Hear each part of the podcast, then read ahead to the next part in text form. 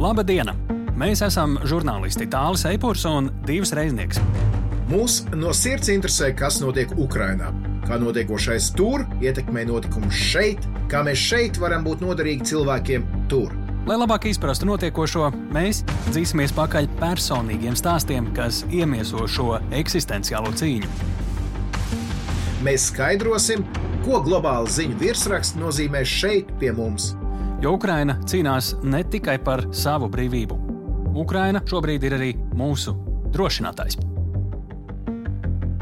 Sveiks, tālī! Esiet sveicināti mūsu klausītāji. Esiet sveicināti gan no rīta, labrīt, gan vakarā, labvakar, gan labdien tie, kuri mūs klausās pa dienu. Jo mēs eh, pavisam droši šobrīd jau zinām, ka mūs tiešām nevis tikai varētu klausīties, bet klausās visdažādākajos pulksteņa laikos un visdažādākajās laika zonās. Tieši tā mūsu statistikas guru ir eh, pačukstējuši, ka drošinātāji nu jau klausās gan Lielbritānijā, gan Vācijā, gan Norvēģijā, Beļģijā, Amerikā, Īrijā, Somijā, Nīderlandē. Nīderlandē, Lietuvā, Jaunzēlandē, Austrālijā, Itālijā, Dānijā, Zviedrijā, Čehijā. Lai kur jūs būtu, paldies jums liels! Un esam gatavi drošinātāja astotajai epizodē. Un astotās epizodes centrālais tēls, jo drošinātājs vienmēr izvēlas personiskus stāstus ar mūsu galvenajiem varoņiem, ko mēs intervējam. Šoreiz, jāsaka, tā, varoņi esat jūs visi, kuri ir šo to ziedojuši Ukraiņai, bet uh, Dievs ir atradis cilvēku, kuram šie ziedojumi kopā ar visiem pārējiem ukrāņiem ir ļoti labi gājuši labumā. Jā, ja jūs esat dzirdējuši kaut ko par tādu lietu kā Twitter konvojs, proti, latviešiem, kuri dāvina savas mašīnas vai ziedo līdzekļus mašīnu iegādēji un to nosūtīšanai uz Ukrajinu, tad jums noteikti būs interesanta saruna ar Sergeju Cehotski, kurš ir Ukrāņu karavīrs, viens no tiem, kuri kā pirmie iegāja nu pat nesen atbrīvotajā Hersonā, un viņš ne, pareizāk nevis iegāja, bet iebrauca ar Latvijas sagādātu mašīnu. Ar Latvijas numuriem. Tur būs stāsts principā par Twitter konvoju, bet no otras puses, no Ukraiņas puses, kā tas izskatās. Nu jā, un eh, vēl, protams, neatņemama podkāstu drošinātājs kompozīcijas daļa ir eh, sazināšanās ar Kristīnu Bērziņu Vašingtonā. Kristīna Bērziņu, Maršala fonda drošības eksperti. Šoreiz mēs pievērsīsim uzmanību notikumam, kura putekļi tagad nu gan ir lielties nosēdušies. Runa ir par polijā nokritušo raķeti, bet aiz lielās vētras, kurš tad ir vainīgs pie šīs raķetes? Eh, nosēdināšanas polijā. Otrā plānā palika varbūt pat galvenais, cik ātri NATO vispār spēja savā starpā koordinēt, rīkoties un reaģēt. Un otrs stāsts, par ko mēs runāsim, ir, mēs esam ļoti daudz dzirdējuši par to, cik grūta būs ziema Ukraiņas iedzīvotājiem energokrīzes dēļ, bet Mums savukārt interesē Kristīnas viedoklis, kā tas var ietekmēt Ukrainas militārās spējas. Par to publiski tiek runāts gauži maz. Tālu tu man samulsināji, kā tu nosauc Kristīnu. Es viņu sauktu par spožāko ziedu drošinātāju dārziņā. Sveiki, Kristīna! Sveiki, sveiki! Sveiki, Kristīna! Prieks tevi atkal dzirdēt. Šobrīd ir daudz ļoti aktuālu tematu, bet tas, kas šobrīd atstāja visu tādu nospiedošāko iespaidu uz visu kopā Ukrainā, ir arvien lielākas problēmas ar energoapgādi. Tepat ir izskanējuši aicinājumi iedzīvotājiem ziemas sezonā pamest valsti, jo tas ļoti palīdzētu energoapgādē. Citi atkal aicinājumi saka, nē, mēs spējam nodrošināt ar elektrību pietiekamā apjomā, nekādas valsts pamešanas nav vajadzīgas. Jebkurā gadījumā informatīvā telpa ar šo ir pilna. Bet jautājums, ko mēs šobrīd gribētu apspriest, ir, ka, nu, piemēram, pirms nedēļas mēs podkāstā drošinātājs dzirdējām sarunu ar elektriķi, kurš novērš bojājumus pēc Krievijas postījumiem Ukraiņas elektrotīklos. Un, uh, viņš sacīja, ka pats pirmais, kam viņi steidz palīgā, ir nevis tā, kā mēs varētu iedomāties, uh, piemēram, slimnīcas, nē, armija. Jo tas nozīmē pretgaisa aizsardzības sistēmu darbību un līdzīgus stāstus. Un šonadēļ viņa paša pārstāvētās energokompānijas DTEK šefs Maksims Timčenko bija tas, kas eh, vērs uzmanību uz to, kur tad Ukraiņas iedzīvotājiem labāk pavadīt šo ziemu Ukrainā vai ārpus tās. Un, bet tas, ko mēs gribam saprast, kā un vai šis deficīts var ietekmēt Ukraiņas spēju sekmīgi militāri aizsargāties, jo Nu, šautenis šauj bez elektrības, artērija it kā arī, bet tā pašā laikā armijas apgāde ar produktiem, pārtiku, visu ko citu, transporta stāsts. armijas atjaunošanās, sakari galu galā, kas mūsdienu kardarbībā ir ļoti svarīgi. Par cik kritisku punktu var kļūt tieši militārajā aizsardzībā, pamatīgi ievainot elektrības sistēmu? Ir interesanti īpaši šajā karā saprast to, cik no vienas puses ir ļoti tehnoloģiski attīstīts karš, kad ir ļoti gudras pretgaisa aizsardzības sistēmas, ka vajag nodrošināt arī kaut kādu dzīves kvalitāti karavīriem, un tas nozīmē nevis dzīvot augstās tranšējās, bet tomēr arī cilvēcīgos apstākļos. Šīs ir ļoti svarīgas lietas, un īpaši jaunām tehnoloģijām, ir ģeneratori, ir baterijas, bet arī kādā veidā to ilgtermiņā nodrošināt ir nepieciešama elektrība un enerģētikas drošība. Ja skatās, piemēram, NATO, ir arī savas ekscelences centrs, kā arī Briselē eksperti tieši par enerģētiku, un viņiem pirmā prioritāte nav, kā mēs varētu domāt sākumā, o, kāda ir e, ģeopolitika saistībā ar enerģiju, un vai Krievijai tie ir lielāka vai mazāka ietekme, bet tieši kā nodrošināt energoresursus militārām vajadzībām. Tādēļ šī ir ārkārtīgi liela problēma. Piemēram, ja mēs skatāmies ASV, ASV ir uh, militārām tieši armijai un, un citām vienībām ir milzīga nepieciešamība nodrošināt gan bāzēs, gan arī militārās operācijās savus energoresursus. Tur, piemēram, ir liela interese tieši atjaunojamos resursos, jo tad nav jādomā par naftas pārvadu, piemēram. Tādēļ, ja jāskatās, protams, ir, kad militārās vienības ir kāda sava pilsētiņa, kuru kustās, kurai ir nepieciešams nodrošināt visu, arī sarežģītajām sistēmām.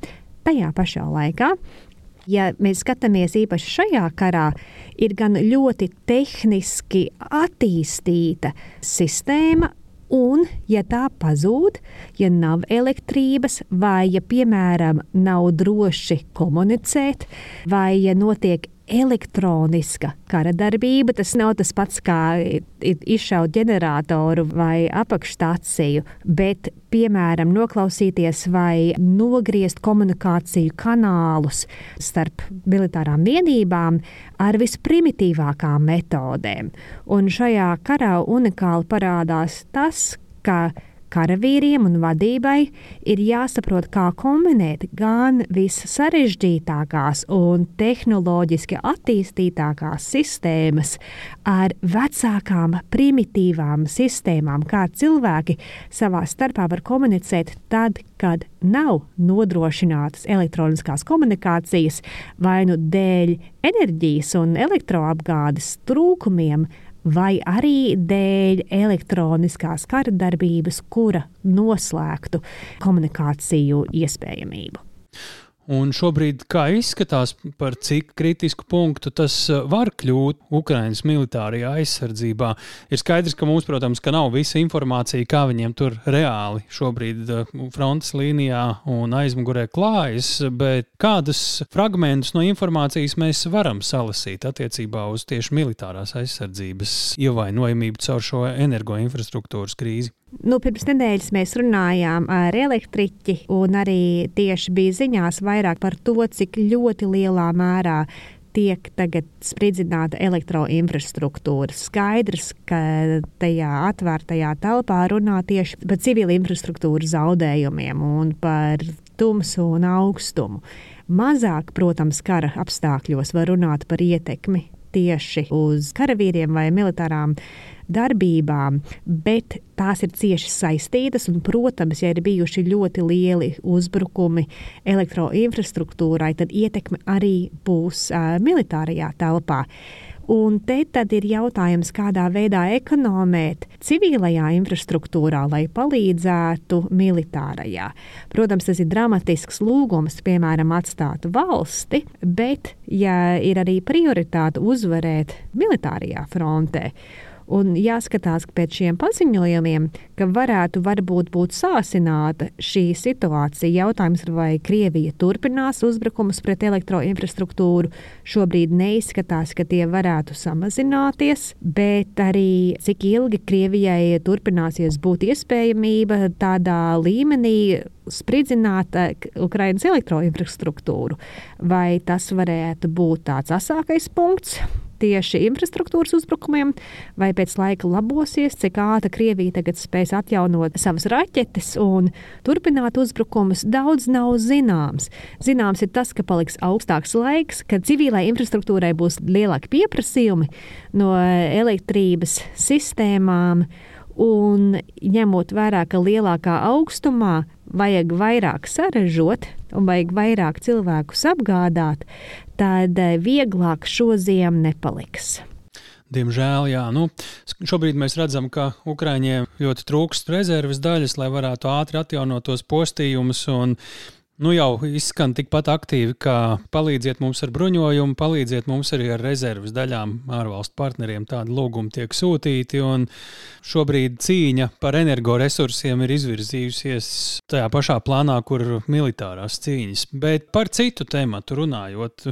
Tematu, kuru mēs iepriekšējā epizodē nedaudz atlikām, jo valdīja vēl pamatīga migla un putekļi ap nokritušo raķeti Polijas teritorijā. Tad vēl izskanēja, ka tā varētu būt Krievijas raķete. Šobrīd paziņojumos ir pietiekami skaidri norādīts, ka tā ir kļūdījusies Ukraiņas raķete, bet vainīgi tāpat šajā visā stāstā ir Krievija. Ja nebūtu iebrukuma, tad nebūtu arī šādu raķešu. Ko mēs gribētu atkal saprast, ir tad, ja tiešām notiek reāls šāds stāsts agri vai vēlu, ļoti iespējams, kaut kas no Krievijas varētu atlidot. Tiešā vai pārnestā nozīmē, bet uh, var būt brīdis, kad tiešām to var klasificēt kā vai nu uzbrukumu, vai kaut ko ļoti līdzīgu kādai no dalību valstīm. Mēs paši esam Krievijas pierobežā. Cik ātri, ko NATO šoreiz parādīja, tas spēja adekvāti reaģēt, savstarpēji izrunāties dalību valstis, lai pēc iespējas ātrāk spētu likt ko pretī, tad, ja tas ir nepieciešams. 11. Septembrī 2001. gadā mēs redzējām, ka iebrukums Afganistānā sākās mazāk nekā pēc mēneša jau. Šobrīd, ko mēs redzam, cik reāli gatavs ir NATO aktīvi, militāri reaģēt, cik daudz mēs par to zinām un redzam.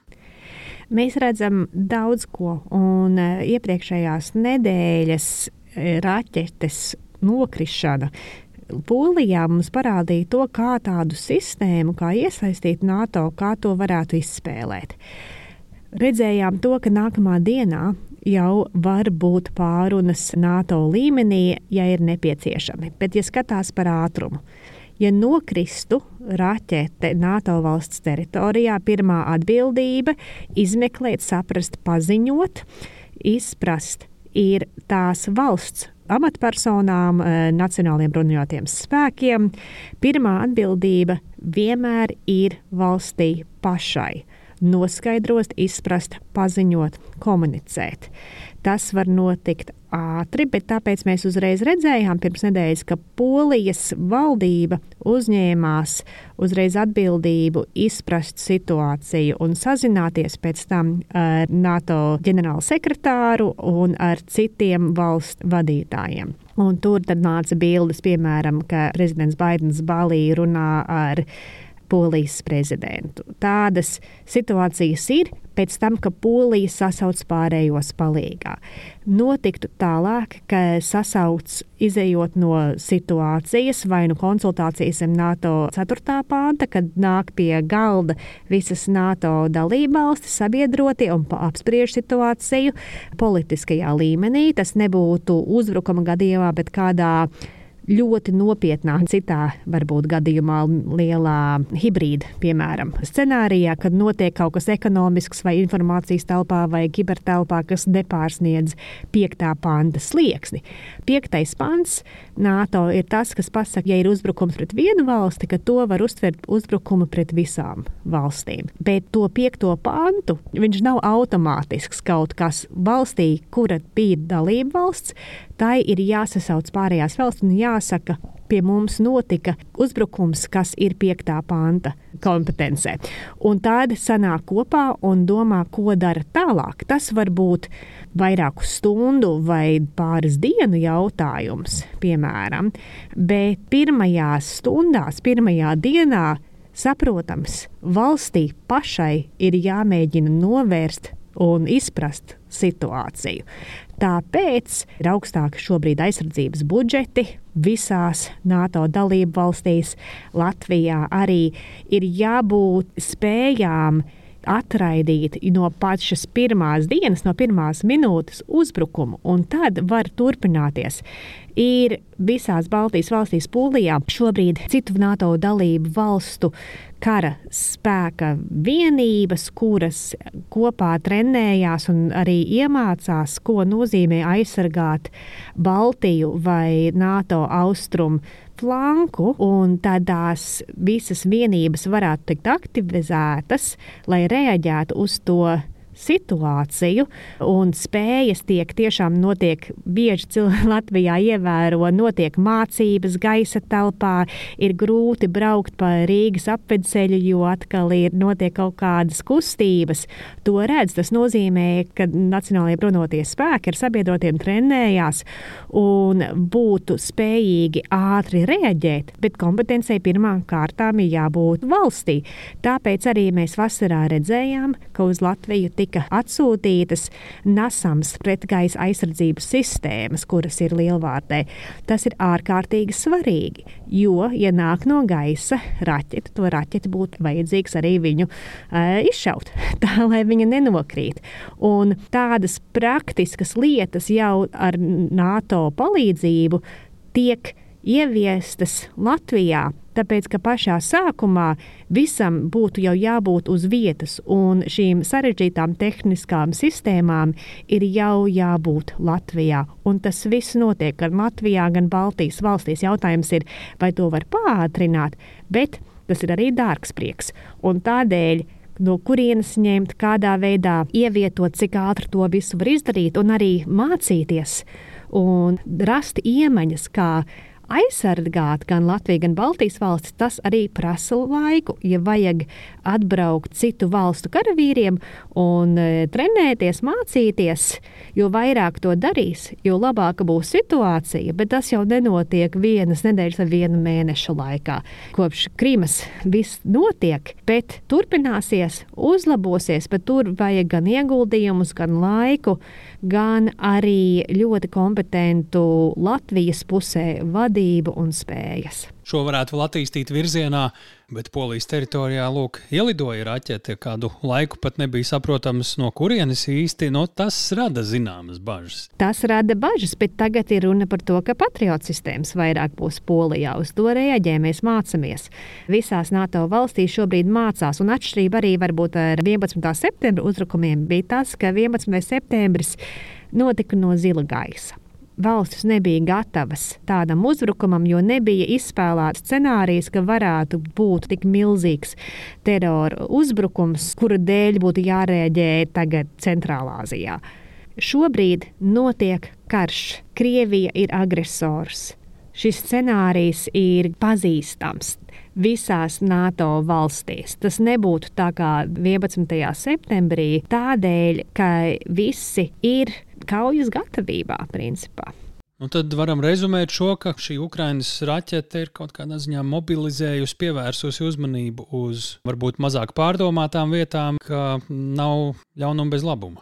Labums ir tas, ka visu laiku NATO izprot labāk to, kādi būs nākamie nepieciešamo soļi. Un nākamgad jūlijā nākošais NATO samits notiks Viļņā. Un tad skaidrs, ka no Baltijas valstīm sarunā būs tiešām jāpieslēdzās tām, ko reāli darīt mūsu pasaules pusē, lai nodrošinātu aizsardzību. NATO turpinās par to spriest un plānot līdz Viļņas samitam un arī pēc tam.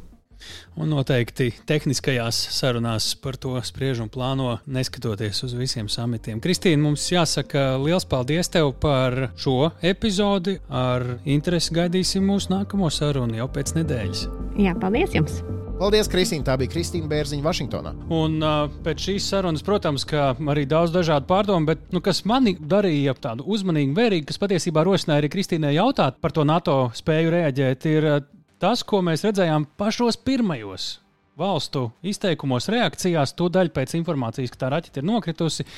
Un te bija viena atšķirība, par kuru man uh, mazliet bija neērti. Nu, nu. Jo uh, visi, Igauni, Lietuvieši, vēl kāds teica, jā, mēs esam uh, solidāri ar Poliju, esam gatavi sadarboties, bet vienas valsts aizsardzības ministrs bija pateicis, ka tā ir Krievijas raķete. To neviens tajā brīdī nezināja. Ja viņš to zināja, lai viņš iedod mums to informāciju. Bet, Kurš tas bija? Latvijas aizsardzības ministrs vārdu paši zinām. Man tas likās tā visai savdabīgi. Un uz viņu tieši tāpēc arī daudzi pasaulē atsaucās. Un, diemžēl izrādījās, ka nav korekta šī informācija bijusi. Kāpēc tas tā bija? Nu, Ziniet, kā noteikti šis karš pierāda vēlreiz un vēlreiz, ka, protams, ka mums ir jābūt ļoti uzmanīgiem ar to informāciju, kas cirkulē. Pat ja tā šķiet loģiski. Jā, pat ja tā šķiet loģiska, um, šajā kara stadijā, kad it kā no vienas puses ir nogurums, no otras puses niknums vēl ir nostiprinājies lielāks, daudziem droši vien gribas nodarboties ar tā saucamo, kā to latviešu sauc, angļuiski tā wishful thinking. Uh, nu, domāt, ka tas, ko tu ceri, ka tas tā arī ir. Ka tas tā arī ir jā. Bet tāpēc mēs podkāstā vairāk nodarbojamies ar faktu vākšanu, ar jautājumu uzdošanu, nevis paziņojumu veikšanu. Jā, mums patīk fakti. Viens no svarīgākajiem pēdējo mēnešu faktiem ir tas, ka Ukraiņas armija atbrīvoja Hersonu. Bet līdz tam gāja vēl viens interesants fakts, ko daži pamanīja. Tā skaitā mēs. Mēs to ieraudzījām Twitterī. Mums visiem labi zināmais, nu jau arī augstu apbalvojumu saņēmušais Reinis Pozņaks Twitterī bija padalījies ar video, kurā redzams Hersonā džips, spēkrats, mašīna ar Latvijas atpazīšanas zīmēm. Mums izdevās atrast šo Ukraiņas karavīru, kas brauc ar šo mašīnu ar Latvijas numuriem. Un ar viņu sarunu jau pavisam drīz, bet vispirms sazināsimies ar Reinu Pozņaku. Viņš mums izstāstīs šobrīd aktuālāko informāciju, cik daudz mašīnas nosūtītas, kādas ir vajadzības un cik ilgs ir šo mašīnu mūžs. Sveiks, Reini! Sveiki! Sveiks, Reini! Klaunu par tiem Twitter konvoja aizsākumiem jau daudz dzirdēts, daudz runāts, bet es gribētu uzzināt šobrīd to pašu aktuālāko informāciju. Cik tad ar Twitter konvoju palīdzību šobrīd ir nogādātas uh, mašīnas no Latvijas uz Ukrajinu? Nu, uz uh, šo brīdi ir 909 automašīnas uh, nogādātas, bet joprojām viss pilnā parā notiek un pa pats mašīnām katru nedēļu joprojām tiek arī gādāts uz Ukrajinu. Kā šīs mašīnas tiek sagādātas? Tās pārsvarā tiek nopirktas par ziedojumiem, kas jums tiek aizskaitīti naudas formā, vai vēl aizvien cilvēki atved jums savas mašīnas? Kā pārsvarā, no kurienes šīs mašīnas? Nu, vēl aizvien, un patiesībā lielākā daļa ir tieši ziedotas mašīnas. Neliela daļa arī ir pirktas par ziedojumiem, bet jā, joprojām cilvēki ļoti daudz ziedo mašīnas. Man tāda sajūta, ka mums ir Latvijā sāk veidoties tradīcija, ka cilvēki nevis pārdod mašīnas, kad nolēma viņu mainīt, bet sūta uz Ukrajinu. Bet tās pirktās mašīnas, ko par ziedojumiem pērk, tā ir iespēja kaut kādā veidā piemēroties daudz elastīgāk Ukraiņu vajadzībām. Kas tur pārsvarā ir par ziedoto naudu? Ko jūs pērkat? Jums ir pērkam mēs tās automašīnas, kas ir tiešām vajadzīgas, nu, tā teikt, nulles līnijā. Kā saka, frontē tie ir pamatā pikapi un džipi, arī busiņi, pilnpiedziņas, tās tās mašīnas, kuras mēs pērkam. Bet principā pielietojums tur ir faktiski jebkurai automašīnai. Tāpēc mēs ar lielu prieku arī pieņemam tās ziedotās mašīnas, jo vajag uh, mašīnas visos kara posmos frontes posmos, un tas nebūtu nav tikai nulles posms, bet arī pirmais, otrais, trešais un ceturtais, jo ar, arī ar golfiņu var nogādāt munīciju no noliktavas līdz kaut kādam punktam, kur tad tālāk pārņem kāds jau, kas var iebraukt ar viņu arī mežā. Kāda ir tā pirkuma geogrāfija? Es sekoju tavam Twitter kontam un zinu, ka tu un kolēģi esat pirkuši mašīnas arī ārpus Latvijas robežām? Nu, tā ir šobrīd ar vien vairāk, un, un varētu teikt, ka pamatā ārpus robežām sevišķi, kas attiecas šiem pikapiem, jo tie Latvijā ir, ir praktiski. Jūs esat visus izķēruši, ja? Jā, nu tādi, kas, teiksim, ir atbilstoši saprātīgam budžetam un atbilstošam stāvoklim. Jā, tāpēc, nu, pamatā Norvēģija, Anglija ir tās divas vietas, kuras šobrīd ļoti, ļoti intensīvi arī notiek tā mašīna meklēšana. Tur arī ir daudz, daudz latviešu, kā zināms, šajās valstīs, kuri arī ļoti aktīvi palīdz viņus gan sagādāt, gan iegādāties, gan nogādāt. Ir dzirdēts, ka līdzīgas pilsoniskās iniciatīvas ir arī Igaunijā, šķiet, Polijā ir dzirdēts. Es nezinu, Leiša arī Varbūt nav tā, ka jūs, es nezinu, Norvēģijā pie viena pikapa satiekas Latvijas, Igauns un Polis, un uh, uz akmens čērs papīrītes tagad izlemj, kurš pirks šo mašīnu, lai arī gala mērķis ir viens Ukraiņas fronts līnija. Arī tā bieži sanāk, ka parādās laba mašīna, tad, tad nav daudz laika domāt, jo uz viņu ātri veidojas rinda, bet tas arī ir iemesls, kāpēc mēs principiāli nepiedalāmies nekāda veida izsolē. Lai gan viņas ir diezgan daudz, tāpēc, ka 99% tā izsola, kur ir ir veids, kā vienkārši pacelt cenu tieši tam pašam mērķim. Jo skaidrs, ka citi solītāji arī ir tādi, kas to mašīnu grib aizgādāt uz Ukrajinu. Atkarībā no tā, ko tā mašīna dara Ukrajinā, es pieļauju, ka tur ir tās nišas, kā teica, nulles līnija. Un ir arī citas funkcijas, nu, cik ilgs kurām no šīm mašīnām ir mūžs parasti. Lielā mērā tas atkarīgs protams, no veiksmes, bet viņš nav ilgs. Nu, tur, tur ir ir teiksim, pāris mēneši, ir tāds vidējais laiks. Nu, tas pats ornīks, kas ir kara muzejā redzams, tas bija salīdzinoši pat ilgdzīvotājs. Tas bija no kara paša sākuma, kad pusgadu nodzīvojis arī tas patrols, kas ir tagad Hersonā, ar ko Sergejs brauc. Tas arī ļoti ilgi šobrīd dzīvo un cerams, ka dzīvos, bet principā viņi nav ilgs, tie ir nu, pāris mēneši. Un, un bieži vien ir tā, ka nu, kādai kara daļai ir beidzot sagādāts pietiekams skaits mašīnu un viss priecīgi, un tad atlido viens artilērijas lādiņš un, un atkal nav vairs nevienas mašīnas. Tā kā nav ilgi. Cik daudz ziņu ir arī par cilvēkiem, kuriem Twitter konvoja mašīna ir bijusi pēdējā vieta, kur viņi ir dzīvojuši? Nu, ir bijuši, protams, arī tādi gadījumi. Nu, ir nu, jā, nu, neizbēgami. Tas ir karš, un cilvēki iet bojā katru dienu. Gadās, kad jā, iet bojā arī, arī mašīnā vai uzbrauc uz mīnām. Tas ir droši vien biežākais iemesls - mīnas. Nu, un šeit tad arī jā, trāpa artērijas apšaudē un no kuras neizdodas izmukt. Bet ļoti daudz cilvēku arī ir izglābušas mūsu mašīnas. Par to mēs arī saņemam diezgan regulāri pateicības par to, jā, ka puiši ir atkal tikuši apšaudē un pateicoties mašīnai ir izdevies no viņas tikt ārā sveikiem un veseliem. Nu, par to mēs tieši tulīt arī runāsim ar Sergeju Cehotski, kurš ir Ukrainā un ir viens no Twitter konvoja mašīnas saņēmējiem. Viņam būs daudz labu vārdu, ko teikt par savu Nissan patrolu. Viņš ir laikam tas veiksmīgais gadījums. Viņš teica, viņam šis Nissans jau esot apmēram no maija. Tas laikam ir tāds izņēmums, nevis norma. Tas ir drīzāk izņēmums, jā, ka mašīnas tik ilgi kalpo un par to prieks. Eh, ņemot vērā, ka caur, caur tavām un kolēģu rokām ir izgājušas jau, kā teicu, vairāk kā 900 mašīnas, vai kaut ko atceries varbūt par to konkrēto Nissan, par kuru mēs runāsim ar Sergeju? Ja godīgi viņu atceros, tāpēc, ka mums tāda patrola vispār nav bijusi daudz. Un, es viņu atceros vispār kā godīgi to izcelsmi. Galīgi precīzi neatceros, manuprāt, viņš ir pirkts. Bet varbūt arī, ka nē, nē, baidos es samalot. Es atceros, jā, īstenībā to brīdi, kā viņš brauc prom, es pat atceros, es saku to patrolu Mums nav bijis daudz, un tas arī bija, manuprāt, viena no pirmajām mašīnām, ko Holis ārts eh, mums nokrāsoja tajā kamuflāžas krāsā. Tas vēl viens iemesls, kāpēc tas ir arī jā, zīmīgs automobīls. Bet kā tu viņu pazini tajā video vai, vai fotografijā, to, ko Twitterī ielika? Nē, nu to viņi, viņi pirmkārt paši, paši mums atsūtīja, bet arī jā, tās eh, nu, uzlīmītas spoguļiem ir Twitter konvoji tā jau mēs atpazīstam Latvijas numuri, tā mēs arī viņus uzreiz atpazīstam. Nu, ko, liels paldies, Reini. Noteikti arī tev būs interesanti dzirdēt mūsu sarunu ar Sergeju. Paldies tev, un, un tad, lai drīz ir tas, var svinēt to tūkstošo mašīnu. Ko... Nē, nē, nē, lai drīz vairs nevajag nevienu mašīnu. Tur. Tas pāri visam, jā. Bet, nu, katrā ziņā ziedojums jūs vēl aizvien gaidat, mašīnas jūs gaidat, un tādā ziņā pagaidām darbs nebeidzas, kamēr situācija frontē nebeidzas. Ne? Protams, līdz uzvarai. Paldies, Reini, līdz uzvarai. Jā, paldies. Atā. Starp citu, kā šis Nissan Patrol izskatās gan kaujas laukā, gan uh, izbraucot no Latvijas, to jūs varēsiet redzēt, ja jūs atvērsiet uh, LSMLV. Tur vienmēr ar mūsu sarunu biedriem ir rakstiski lasāma intervija, tie, kuri varbūt nav klausītāji, un tur arī klāt ir redzami attēli, tie, ko mums ir atsūtījuši mūsu pašu sarunu biedri.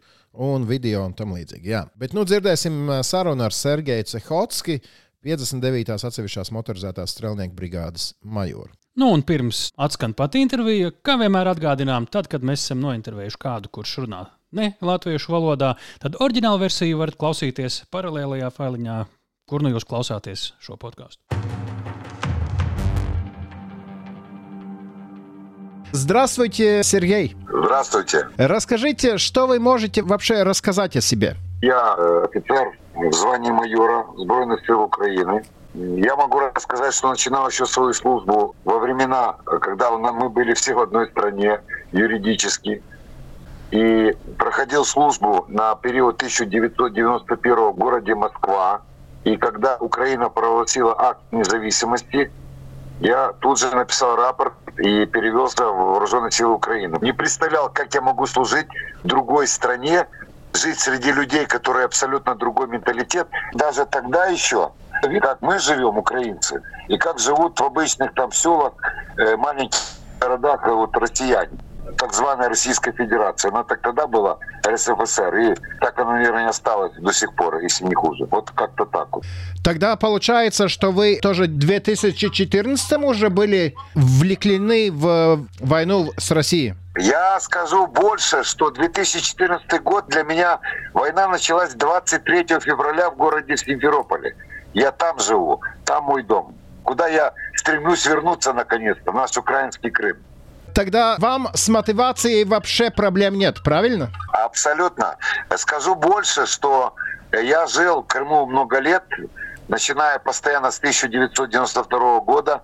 Вот я там учился еще при Союзе, там родились мои дети, и дочь, и сын. И жена у меня родилась в Симферополе. Ее дедушки и бабушки там родились. Но никто даже близко не мог себе подумать о том, что мы можем жить при российской оккупации. Вы были одним из тех, кто вошел в освобожденный Херсон. Расскажите о своих чувствах в этот момент. Ну, скажу, чувства у нас абсолютно ровные. Я говорю о своих, не только о своих побратимах, своих товарищах, с которыми мы шли эту всю дорогу. У нас чувства одинаковые. Мы понимаем, что это необходимо, и наши чувства ровные. Но эмоции и чувства тех людей, которых мы встретили, это словами не передать. Когда мужчины в солидном возрасте слеза катится, и он смотрит, нас практически чуть не разорвали на куски, вот так скажу. Это было что-то, что вы ожидали, или это был сюрприз для вас тоже? Для нас тоже сюрприз в том плане, что ну все-таки 9 месяцев они практически находились, всякое могло быть, но мы видели эти там видео короткие, как они бастовали люди, мы э, знали, что они нас ждут, нам поступали разведданные, что там происходит. Но чтобы такие эмоции, это нельзя передать вот словами это все. Вас так встречают. Что это означает для э, воина, который последние 9 месяцев был э, на фронте? Это подтверждает, что мы все делали правильно, что мы шли в правильном направлении, что э, никаких компромиссов с этим путинским режимом, этой путинской России быть не может абсолютно это говорит о том, что для нас это совместная победа, понимаете, и в том числе вашей замечательной страны Латвии, замечательных наших братьев сестер, которые все время с нами. Мы это все время ощущаем. Кто, как не вы, э, прочувствовали на себе ту оккупацию, которая была в годы советской власти, так званой. Вам это все знакомо, близко. И, и мы тоже 300 лет к этому шли. Наконец-то сейчас только началось настоящее вот скажем так, возрождение Украины как государства. Можно сказать, что вместе с вами в Херсон в каком-то смысле вошла и в Латвию? Я вам скажу больше. Я въехал на автомобиле, который нам предоставили латвийские компании. Это машина, которая уже не один раз спасала нам жизнь. Nissan Patrol там логотип мы его так сохраняем. Надеемся, что мы еще на ней потом приедем в Латвию. Мы знаем, что мы посылаем э, машины Украине. А как это с украинской стороны? То, что вы получаете, вам пригодно? Любая помощь, которая оказывается, да, она очень, очень существенная. Да, техника приходит. Я говорю откровенно, потому что у нас не должно быть никаких-то недоговорок. Да, бывает техника, да, она внедорожники, но она там где-то использовалась на каких-то там драйвах, там, охота и так далее. То есть приходится много ремонтировать и так далее. Там помогают нам местные там, механики, все такое. Но сам момент, что мы э, ездим на этих машинах, мы знаем, что они нам с любовью передались, с чувством понимания, с чувством поддержки. И мы точно так же, не жалея ни о чем, их бережем и на них выполняем боевые задачи. Именно боевые. На таких машинах боевые задачи. Можно сказать, э, как долго одна машина на фронте остается живой, если так можно говорить? Там неделя, две недели, месяц? Дело в том, что мы реально к ним относимся, бережем их. Мы реально там... Э, весь вопрос в том, что запчастями там э, бывает приходится ждать. А так мы реально бережем. И если машина действительно там вот внедорожник настоящий, как вот, вот, вот у меня, допустим, служебная машина, этот Nissan Patrol, то она проходит любые ямы и так далее. То есть ну, это очень существенная помощь. Она уже, наверное, с мая месяца. Ого! Да. Это, наверное, не стандарт, правильно? Ну, это я просто уже с опытом, я очень гоняю водителя, который за ней смотрит. Ну, я образно говорю, гоняю. Mm-hmm. Вот, по возможности. То есть следим вовремя, там, меняем масло, там проверяем периодически там ходовую и так далее. То есть вот так вот. Например, возьмем вашу машину. Через чего она прошла? Что она видела? Все, она видела, э, уходили от артобстрелов, уходили от э, обстрела танков противника. Значит, встречались с диверсионной группой орков, но они были там, ну, такой спецназ конкретный. Мы совершенно как бы случайно оказались там, и они, видно, заблудились вот и так далее по-разному было. Вытаскивали нашего раненого, тоже надо было ехать очень быстро. Такие вот функции. Э, дали вы имя этой машине или нет? Ниссанчик, то так вот мы называем ласково, Ниссанчик. Э, я знаю, что люди из других стран тоже посылают э, машины, там эстонцы, поляки. У вас машины отвсюду или это единственная такая иностранная? У нас много машин, но также понимаете, в чем вопрос. Много взрывается, много особенно под ракетным обстрелом у нас был обстрел своего рода по расположению у нас там погорело очень много машин. Поэтому, вы знаете, даже не только джипы, бывает такое, что и для вспомогательных служб, и для коммуникации между подразделениями надо так, чтобы незаметно проехать используются все абсолютно. Ну, даже это надо представить, это все надо видеть воочию, что у нас иногда мы используем для того, чтобы выполнить ту или иную задачу. Любой вид транспорта, который ездит, сегодня нам очень необходим. Тем более, когда мы уже видим победу, мы уже понимаем ее очертания, и нужно это все дойти э, с честью и максимально сохранить. Я вам скажу, вот буквально час назад на моих глазах подорвалась машина вот, вот на мине. Это мы там проверяли позиции орков, в которых они стояли на канале. Это вот километров, наверное, 25 от Николаева. Вот прямо на моих глазах, это где-то было в 50 метрах, я только подъезжал, и вот там произошел взрыв. Благо, что это была грузовая машина с задним колесом, водитель жив. Мы быстренько это все потушили. Ну, машина уже непригодна к эксплуатации. Позавчера подорвали железнодорожники, трое тяжелых раненых.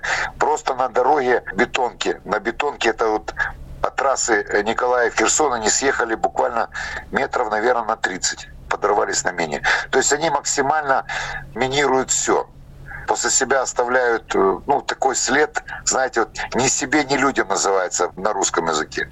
Если я не могу, то я, значит, нагажу. Хочу отметить, пользуясь случаем, что когда там к нам приезжают иностранные журналисты, еще спрашивают тут позиции. Я говорю, когда вы проезжаете мимо всяких позиций, вот если вы видите там ну, окопы, блиндажи и так далее, и видите много мусора, то это сразу даже не спрашивайте, это россияне были. Но реально, вот, вот живут и тут же гадят. Вот тут же, да, да не 10 метров даже, не, не 5 метров, а вот тут же, вот с, с окопа выкинул, вот все в окопе кинул, тут же сходил в туалет, извините за сравнение. Вот такая натура у них. Вот, вот что делать? Кто-то, может быть, скажет, что это просто война. Такая она есть. Скажу так, что вопрос порядка, вопрос того, что быта. У нас все место, любое место, даже там взять любую кухню, рядом там продукты какие-то остаются, ванночки, там что-то еще. Все это складывается, все это выкапывается яма. В одно место мы это все сортируем. Но чтобы оно не разлеталось где-то, ну вот так вот. Понятно. Ну, в общем, если завершить про машин, тогда людям в Латвии нужно знать, что вам пригодятся не только самые э, большие джипы, но и другие машины. Абсолютно точно, да. То есть что-то перевозить, что-то э, где-то кому-то добраться с одной точки в другую и так далее. То есть запутать их. Мы даже специально использовали такие легковые машины, просто седаны, для того, чтобы там переехать, допустим, с позиции на позицию. Если он видит, что едет военный джип, понятно, уже там значит, кто-то едет военный. А если он видит, что едет там легковой какой-то там там Рено какое-то там, не будут сильно стрелять по одной машине этой, понимаете? Ну и если запчасти есть, тогда те тоже пригодится, правильно? Конечно, конечно. Это все очень важно. Я скажу так, просто пользуясь случаем. Балтийские страны, в том числе Латвия, в первую очередь, да, для меня лично, вот как я вот всегда рассказывал всем, что пример, как люди должны жить какая чистота в деревне, какая чистота в городе, какая чистота. Просто уходишь в лес, и там нигде не встретишь даже какой-то намека на то, что кто-то мог мусор оставить, понимаете? Это мои впечатления. И поэтому сегодня я благодарен еще раз всему народу вашему, всем вашим гражданам за вашу поддержку и понимание и участие. Знаете, что как бы это ни цинично ни звучало, вот это уже противостояние, оно объединило всех хороших людей вместе. Мы должны, пока мы живем, а после нас, нашим детям и внукам передать, чтобы они дружили, вот, а встречались только на каких-то мероприятиях, связанных с праздниками, с весельем, и чтобы все знали, что если вдруг кого-то одного обидят, все остальные тут же станут на помощь. Тогда не у этих хулиганов, так званых, в кавычках, я не знаю, как их назвать, их подонков, которые насилуют детей, которые сегодня я точно знаю, тоже подтверждается, которые пытают военнопленных наших. Вот были такие моменты, когда выкалывали глаза, отрезали уши, понимаете, потом добивали. Какой с ней может быть? Они понимают только понятие сила. Мы пока это не закончим, не зачистим все, и не, не на, на наших условиях. Только тогда мы остановимся и, и подумаем вместе, вместе с вами, в том числе, что делать с ними дальше. Эта война как-то изменит нации украинцев? Я скажу не только за себя, наверное, скажу за очень большое количество наших военных. У меня же был перерыв, я не служил там до 2014 года, занимался бизнесом, то есть абсолютно мирную жизнь. А с 2014 года и мой сын пошел служить который родился, вырос в Крыму и разговаривал все время на русском языке, но он даже не воспринял ни одной секунды. Я скажу, что мы сделаем все, чтобы после победы расчистить вот этот, я не знаю, как назвать, аквариум украинский внутри э, от тех маргиналов и тех вот прихлебателей и коррупционеров, которые все эти 30 лет юридической независимости находились у власти чтобы туда пришли именно те люди, которые реально будут работать на народ, будут слугами народа. И в том числе будем просить и ваше участие в этом, потому что у вас есть пример этому. Вы быстро оторвались от Союза и пошли по пути европейского развития. А нам это еще предстоит. То есть в головах. И поэтому я молодым нашим парням, молодым, потому что они для меня многие, это просто как дети, потому что сын мой капитан, служит с 14 года, и э, все они уже молодые полковники, это для меня дети. Мы им должны передать страну, и чтобы они были вот главы администрации, областных, районных, депутаты, министры и так далее. И тогда у нас будет ну, прекрасная возможность жить в мире и в радости. Ну, я думаю, э, вы, э, когда освобождали и Херсон, и другие местности, вы видели людей, которые рады вас видеть, и это уже, наверное, другие люди знают, через чего им надо было проходить. Которые пережили оккупацию, это не передать чувства. Они ко мне подходили в Херсоне, вот, вот вчера даже, да, подошел молодой парень с женой, вот, и, и сказал, отвел меня в сторонку, и говорит, извините, пожалуйста. Я говорю, за что? Извините, что я не с вами, что я не в армии. Я говорю, я просто не успел. Они быстро захватили Херсон. Я говорю, парень, ты что? Ты сберег свою жизнь, ты сберег свою жену, вот, и это уже хорошо. И то, что ты говоришь эти слова, это тебе только плюс. У нас есть на кого положиться, у нас есть с кем строить страну, дальше развивать ее. Тогда, э, заканчивая наш разговор, я так понимаю, что то, что пожелать вам, это вообще не трудно придумать. Освобождение вашего родного Крыма. Конечно, конечно, по-любому это будет, я скажу, больше, что крымчане просто в нетерпении, когда это случится. И случится это гораздо быстрее, чем кто-то предсказывает, потому что, ну, я могу это сказать со своего жизненного опыта уже, с того, что я вижу, чувствую, понимаю и так далее. Главное, э, не расслабляться. Нам еще рано расслабляться, потому что каждый день у нас гибнут товарищи. Вот вчера мы потеряли троих, сегодня есть, я знаю, жертвы. Понимаете, это это очень больно. Классные ребята, просто красавцы, понимаете? Красавцы во всех смыслах этого слова. Которые все это время, знаете, вот находиться на боевом дежурстве. Не недельку, а потом пойти два дня домой, а постоянно вот постоянно под обстрелами, постоянно выполнять боевые задачи и так далее. И они стали высокими профессионалами. Поэтому мы даже шутим иногда, что после победы мы будем думать, чтобы НАТО принять сбройные силы Украины. И мы с вами, и мы с вами. Я знаю, обязательно. Ребята, значит, я хочу сказать всей студии вашей, всем слушателям, что украинцы, мы не любим воевать. Это не наша прерогатива. Мы любим работать, мы любим классно отдыхать, вкусно кушать, принимать гостей, ездить в гости. Это мы любим. Но перешли красную черту эти орки, перешли то, что вот уже терпение, вот все.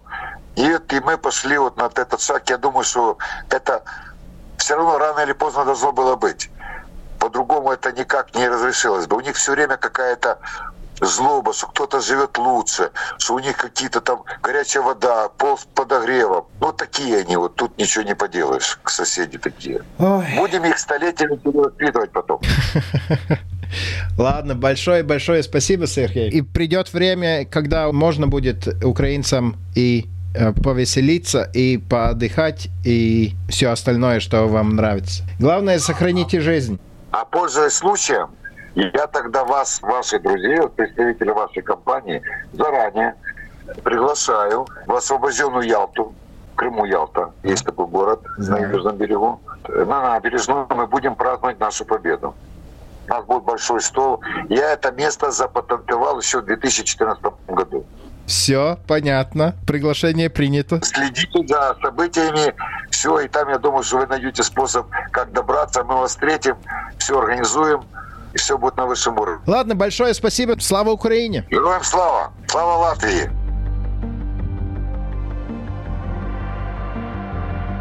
Paldies Dievam, paldies arī Serhijam Cehotskim. Sergejam vai Serhijam? À, tas ir labs jautājums. Es viņam tieši to pašu prasīju. Viņš pats tā kā teica Sergejs, un tad Serhijs patiesībā šobrīd ir pārejas periods. Viņš teica tā, Krieviski Sergejs, Ukrāņiski Serhijs. Es pats runāju krieviski, viņš ir oriģināli. Un, un tad, kad es starp citu viņam zvanīju, pirmais jautājums bija, nu, kādā valodā mēs runāsim. Es saku, nu, man ukrāņu valoda nav tik laba. Es nezinu, cik labi ir jūsu latviešu valoda. Viņš teica, nē, runāsim krieviski. Krievu valoda nepieder tikai Krievijai. Jā, ideāli. Svarīgākais jautājums. Uz Jālu brauksim? Es tur gribu atgriezties. Es, es esmu bijis, bijis un uh, gribu vēl, un gribu tieši uz to, uz ko uzaicināju Sergejs. Kāda bija jauta, kad tu biji jautā? Es biju 2000. gada pašā sākumā. Un uh, toreiz par Krīmu bija iespējas. Tā ir uh, ļoti, ļoti krieviska pusēla, ļoti daudz atpūtnieku no tieši Krievijas. Uh, vietējie, tāpat kā pie mums jūrmalā, tu nezini, vai viņi vispār eksistē. Es gribētu atgriezties Ukrainas Jaltā. Nu, tas ir tas, par ko šobrīd cīnās Sergejs. Starp citu, šajā sarunā man vienā brīdī gan parādījās smīniņš pie sevis, tā iekšējais. Tad, kad Sergejs stāstīja par to, ka Latvijā nevienā mežā neviens nemēslo, tur es pieņemu, ka daži mūsu klausītāji varētu paraukt acis. Nu, atliek tikai padomāt, par kādiem mežiem Sergejs runāja par tiem, kuri nav Latvijā, ja reiz mūsu meži ir ļoti tīri. Nu jā, viss ir droši vien atkarīgs no konteksta. Nu jā, tas arī šajā astotajā drošinātāja epizodē viss. Ceram, ka jums palika kas atmiņā. Ja jums ir kādi jautājumi, viedokļi vai komentāri, rakstiet mums drošinātājs at Latvijas Rādio LV vai, piemēram, ja Twitterī varat izteikties, tad eh, lietojiet hashtag drošinātājs vai kā citādāk sazinieties ar mums. Eh, nu, mums jau interesē, ko jūs sakat, ko jūs domājat. Jā, es gaidīšu divas lietas. Gaidīšu nākamo epizodu un gaidīšu, kad tad eh, pienāks brīdis, kad Ukraiņas armija uzņems NATO savās rindās. Un pavisam noteikti līdz nākamajai ceturtdienai atcerieties. Drošinātājs skaidri un personīgi par karu Ukrajinā. Un noziedojiet kādu naudu Twitter konvojam. Raidieraksts drošinātājs.